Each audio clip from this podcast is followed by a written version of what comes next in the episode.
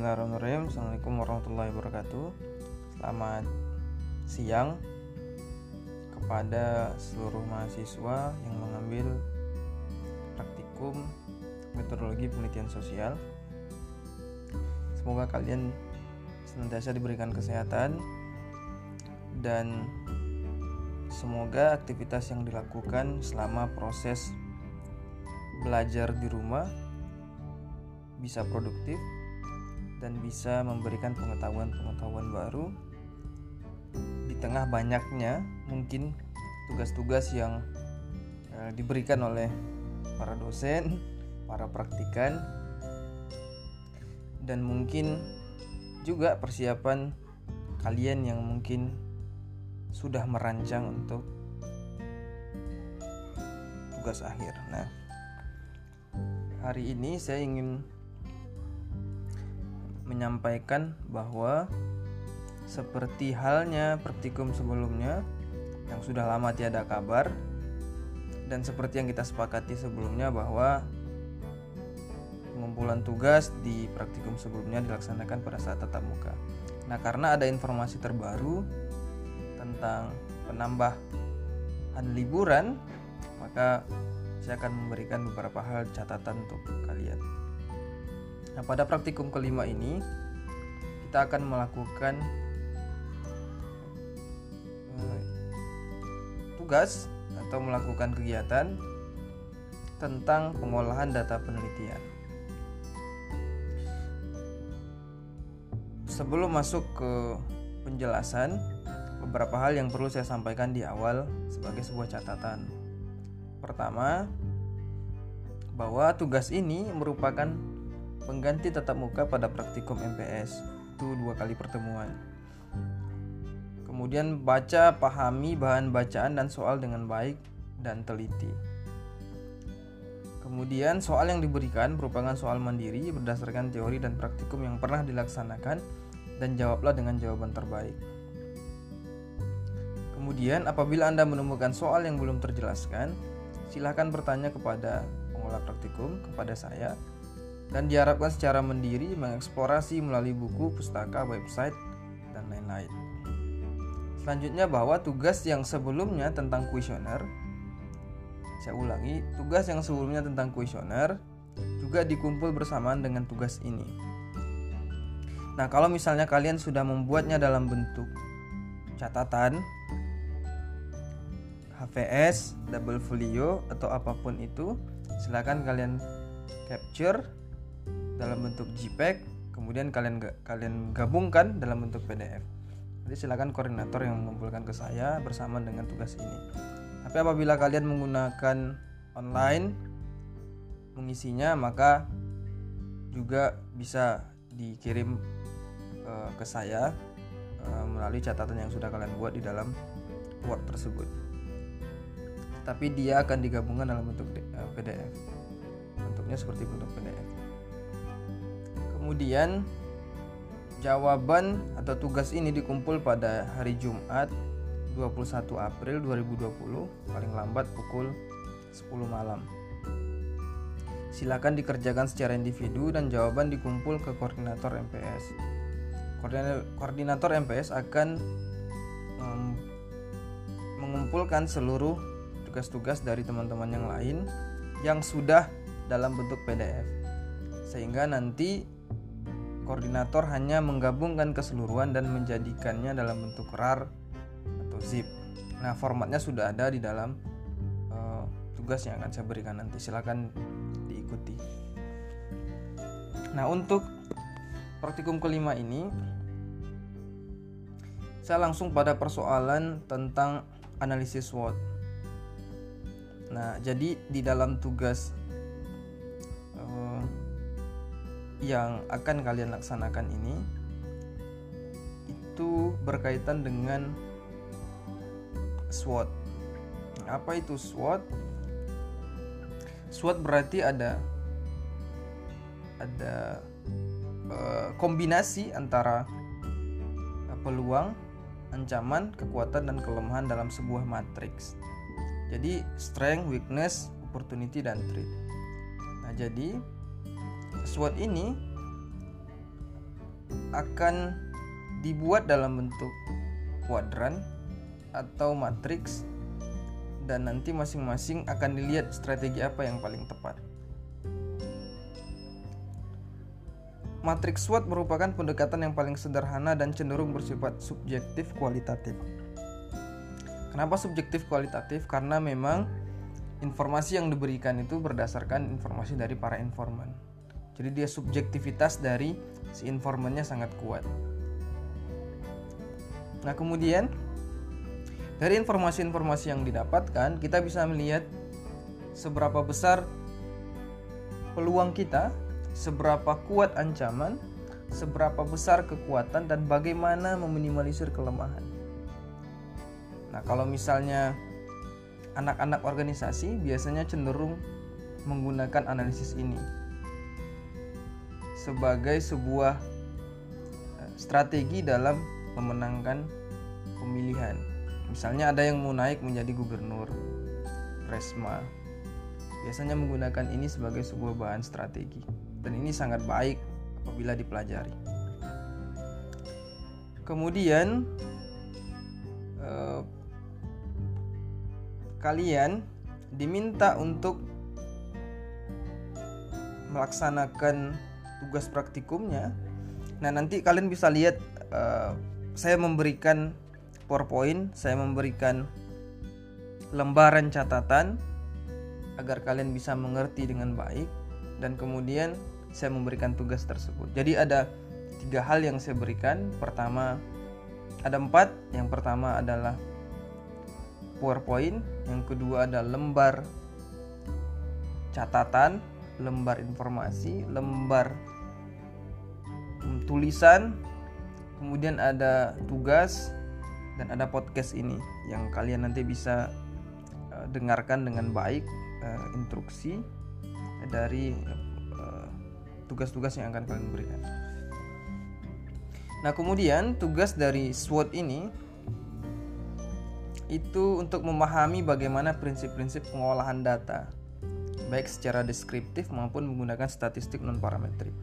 Nah, di penjelasan sebelumnya saya sudah sampaikan tentang bagaimana dan di secara teoritis juga sepertinya sudah disampaikan. Seperti deskriptif itu apa kemudian statistik non parametrik itu apa. Cenderung kenapa kemudian kita menggunakan statistik non parametrik kenapa tidak parametrik? Karena memang statistik non parametrik merupakan statistik yang berkaitan dengan analisis-analisis sosial jadi pendekatan-pendekatan sosial biasanya menggunakan statistik non parametrik misalnya untuk menghitung Eh, informasi-informasi uh, yang kita dapatkan di lapangan kemudian dikalkulasikan. Kemudian kita yang menghitung tingkat misalnya skala Likert itu bisa menggunakan statistik dan parametrik nah kemudian menggunakan analisis SWOT dalam menjawab tujuan penelitian nah artinya di dalam nanti kalian mencari informasi tentang apa yang ditugaskan maka analisis SWOT sebagai pendekatan selanjutnya pelaksanaan praktikumnya itu pertama kalian diminta untuk menyiapkan skripsi, tesis atau disertasi yang akan dilakukan sebagai bentuk pengolahan data. Yang kedua, kalian diminta untuk mengevaluasi tentang pengolahan data apakah sudah dapat menjawab tujuan penelitian.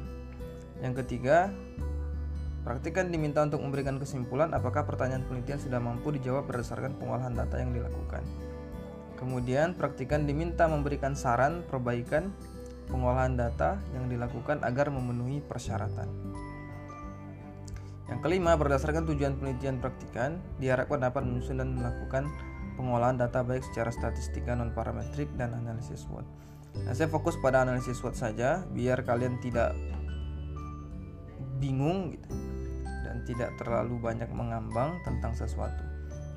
Eh, nanti status non parametrik biarkan di dalam teori karena uh, di dalam statistik non parametrik itu ada banyak hal yang bisa dikaji. Tetapi pendekatan yang ingin kita laksanakan dalam tugas ini yaitu pendekatan analisis SWOT nah di dalam lembar kerja praktikum ini ada tiga hal sebenarnya tidak terlalu menyulitkan kalian tetapi ini harus dilaksanakan secara mendetail.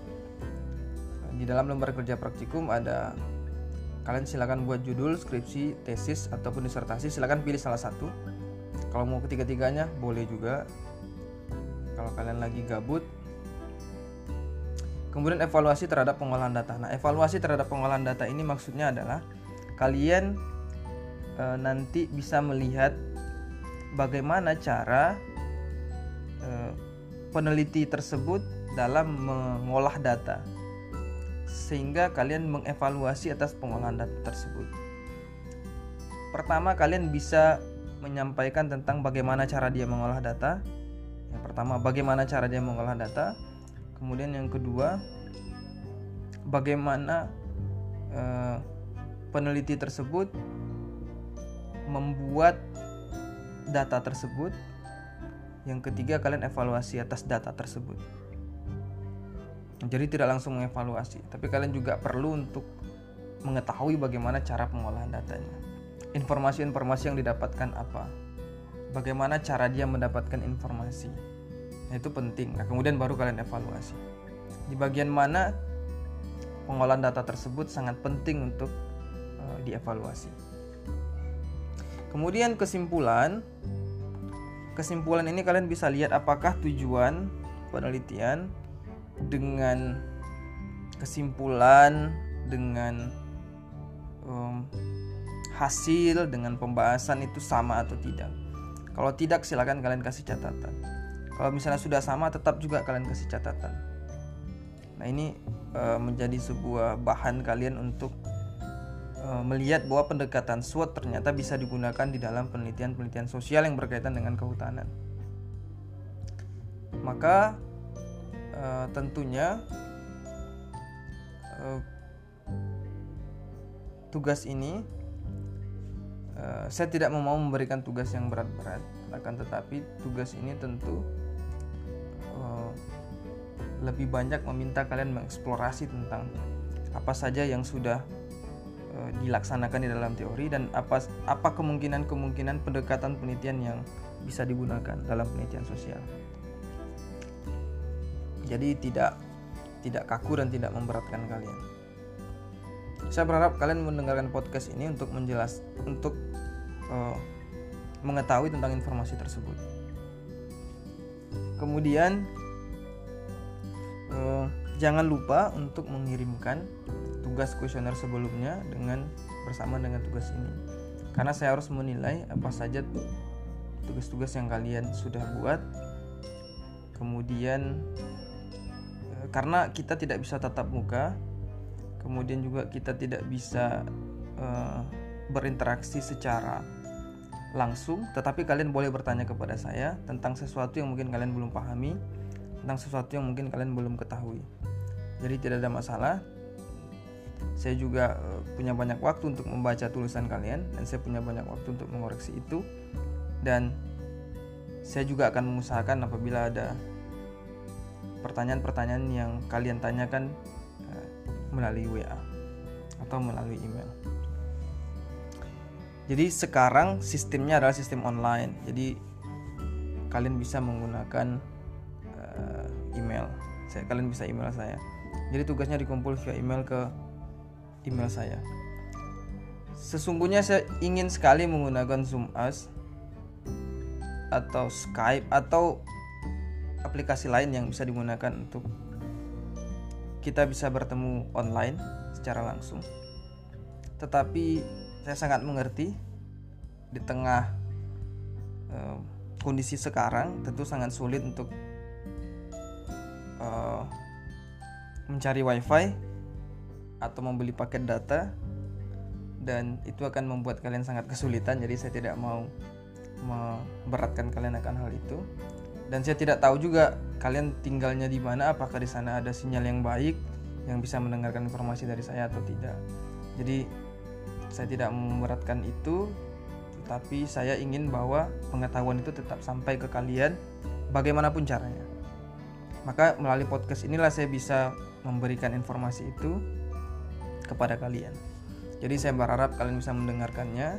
Dan kalau sekiranya kalian masih belum memahami tentang tugas ini ataupun tugas sebelumnya, saya berharap kalian secara mandiri untuk mencari informasi tersebut. Ada banyak website yang bisa kalian baca ada banyak jurnal ada banyak tesis skripsi ataupun disertasi yang bisa kalian baca yang bisa kalian ulas mungkin demikian yang bisa saya sampaikan atas tugas praktikum kelima tentang pengolahan data penelitian ini saya berharap bahwa kalian tetap menjaga kesehatan jauhi keramaian dan tetap berada di rumah tidak keluyuran tidak sok asik-asikan jadi jangan sampai kalian menjadi penular oleh orang lain atau carrier atau kalian ditularkan melalui orang lain. Jadi silahkan kalian tetap menjaga kesehatan di rumah, produktif, belajar, dan terus update tentang informasi-informasi yang ada. Mungkin demikian yang bisa saya sampaikan. Terima kasih banyak atas perhatiannya. Tetap semangat, tetap belajar dengan sungguh-sungguh. Syahiri, Bila Taufik Wadaya. Wassalamualaikum warahmatullahi wabarakatuh. Selamat siang.